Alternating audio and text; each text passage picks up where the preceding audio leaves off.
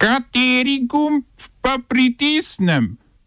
Tisti, na katerem piše OF.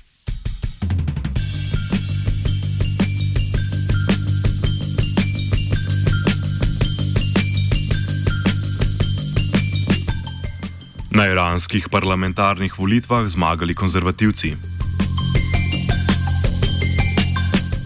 Na deželnih volitvah v Hamburgu zmaga socialdemokratov in uspon zelenih. Prvi pošiljki ruskega protizračnega sistema Pancir S1 prispeli v Srbijo. Globalni protest proti kriminalizaciji novinarstva v podporu Assangeu. Festival gorniškega filma in masken seminar.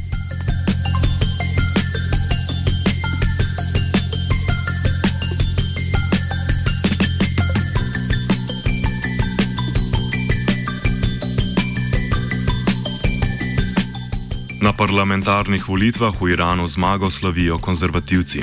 Po delnih izidih iz manj kot polovice vseh volilnih okrožij so konzervativci kandidati v 290-članskem parlamentu zbrali okoli 200 sedežev. Reformisti, ki so bili v prejšnjem sklicu parlamenta največja posamezna skupina s 120 poslanci, naj bi po poročanju iranskih medijev, torej po neuradnih podatkih, v parlamentu sedaj imeli le 17 poslancev. Uradni podatki so na voljo za teheransko provinco, v kateri so vseh 30 mandatov prejeli konzervativci konzervativci.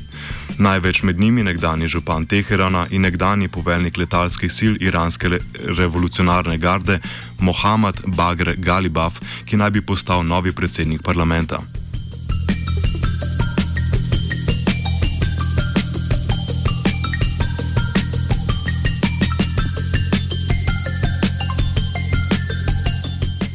Volilna udeležba v parlament, ki ima omejeno zakonodajno oblast, je bila okrog 42 odstotna. Najpomembnejše telo v islamsko-republiški strukturi Irana, vrhovni svet varuhov islamske revolucije pod vodstvom Ajatole Alija Hameneja, mora namreč potrditi zakone sprejete v parlamentu. Pod stopnjevanjem tuje grožne, ki jo predstavljajo Združene države Amerike, njihova strategija maksimalnega pritiska ter njihov enostranski odstop od iranskega jedrskega Pariškega sporazuma je bila prevlada bolj nacionalističnih elementov Irana na volitvah pričakovana. Poraz reformistov lahko skrbi aktualnega predsednika Hasana Rohanja, glavnega zagovornika sporazuma z Zahodom, ki prihaja iz reformistične frakcije, saj bodo predsedniške volitve že naslednje leto. Za najnižjo volilno udeležbo od islamske revolucije leta 1979 Ajatola Hamenej krivi negativno propagando o novem koronavirusu strani sovražnikov Irana.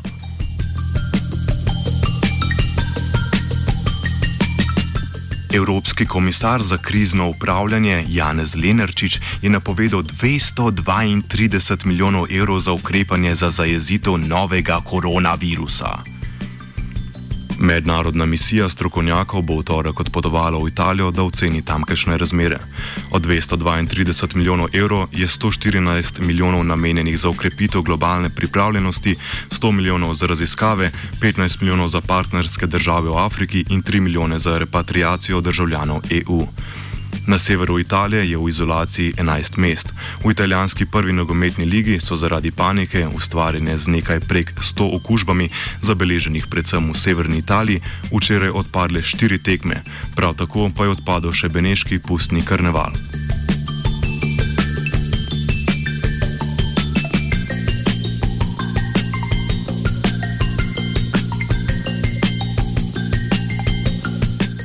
Deželnih volitvah v Hamburgu so zmagali socialdemokrati, krajše SPD.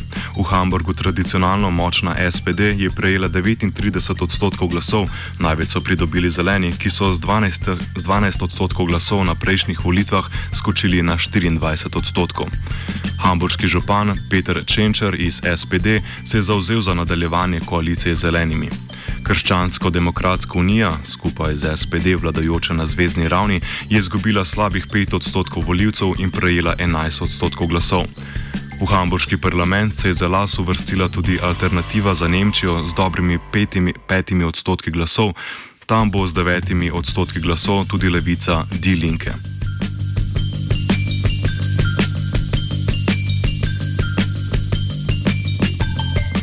Srbsko obrambno ministrstvo je potrdilo prejem prvih dveh od šestih pošiljk raketnega in topolskega protiletalskega sistema Pancir S1 iz Rusije.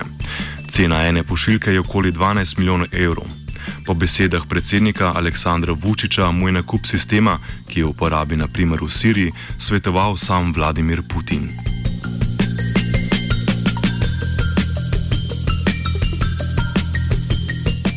Romunsko ustavno sodišče je razsodilo, da mora predsednik republike ponovno izbrati mandatarja za sestavo vlade. Zahtevo po razrešitvi spora med parlamentom in predsednikom je na ustavno sodišče vložil predsednik parlamenta. Predsednik Klaus Ioannis je namreč za mandatarja izbral Ludovika Orbana iz nacionalne liberalne stranke. Ta je bil premijer z manjšinsko vlado do začetka meseca, ko mu je parlament, kjer še zmeraj dominira socialdemokratska stranka, izglasoval nezaupnico. Sodba ustavnega sodišča pomeni, da bi Orban sicer teoretično lahko prejel mandat za sestavo vlade, a bo moral prej pokazati, da je zmožen sestaviti večinsko koalicijo, kar je brez razpisa novih volitev malo verjetno.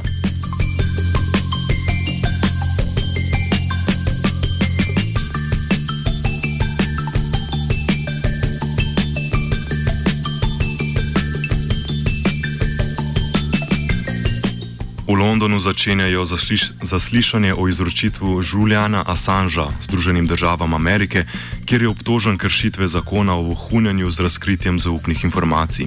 Assangeova odvetnica Jennifer Robinson je na zaslišanju povdarila, da bi lahko primer vodil v kriminalizacijo dejavnosti ključnih za preiskovalno novinarstvo. Po mnenju Jamesa Lewisa, odvetnika, ki zastopa ZDA, novinarstvo ni izgovor za kriminal, saj naj bi Assange grozil življenje ljudi, ki so pomagali Zahodu. Po svetu potekajo protesti v podporu Assangeu pod imenom Globalni protest proti kriminalizaciji novinarstva. V Ljubljani se prav zdaj pred britansko ambasado zbirajo protestniki, ki upozarjajo, citiramo, Na to, da kot družba ne pristajamo na novo normalnost, ki jo usiljujejo represivne oblasti ob žalostni asistenci mainstream medijev, kjer se na očeh sveta sankcionira objavljanje resnic o kriminalu najhujše vrste, ne pa kriminal sam. Medka Naglič iz Amnesty International Slovenija, ki sodeluje pri organizaciji protesta, razloži spornost morebitne izročitve Assangea. Zdaj, vse te obtožbe, ki grozijo Assanžu, ne, nekatere so glede vohunjenja, druge so povezane s tem, ne, so take narave, nekako se, ko bi rekla, kriminalizira dejanja, ki so sicer posebno običajna dejanja preiskovalnih novinarjev po celem svetu. Pravi, gre v bistvu za neko um, razkrivanje uh, dokumentov, so v javnem interesu, da so bili razkriti, um, vključevali so tudi morebitna vojna hudodelstva storjena strani ameriške uh, vojske in gre z tega vidika potem za napad na pravico do svobode izražanja. Tako da, kar je posebej sporno, seveda je to, da je kot prvo pač po krivici, da, da, da njega tega obtožujejo, drugo je pa tudi, tudi enako pomembno, ne? da je to nek tak strašujoč signal za tiste ljudi, ki se ukvarjajo z novinarstvom, pa tudi take, takim objavljanjem informacij.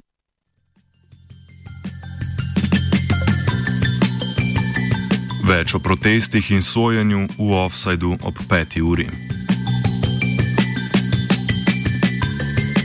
Celski okrožni sodnik Marko Brišnik je nekdani direktorici Vegrada Hildi Tovšak, ki je priznala kaznivo dejanje povezano z oškodovanjem Vegrada, izrekel enotno pogojno kazen 4 let in 5 mesecev zapora s preizkusno dobo 8 let.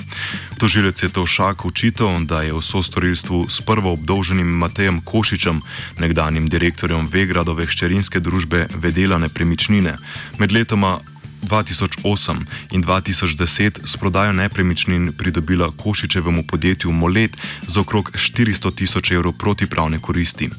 Tošak pri tokrat obravnavanem oškodovanju Vegrada naj ne bi imela nobene, nobene koristi, saj je po njenih besedah vse transakcije opravil Košič. Tožilec Košiču očita zlorabo položaja kot direktorju družbe Vedela nepremičnine pri nakupu nepremičnin, ki jih je prodal Hipo Leasingu in jih potem vzel nazaj v najem. Košič je krivdo zavrnil in dejal, da Molet ni pridobil nobene protipravne koristi.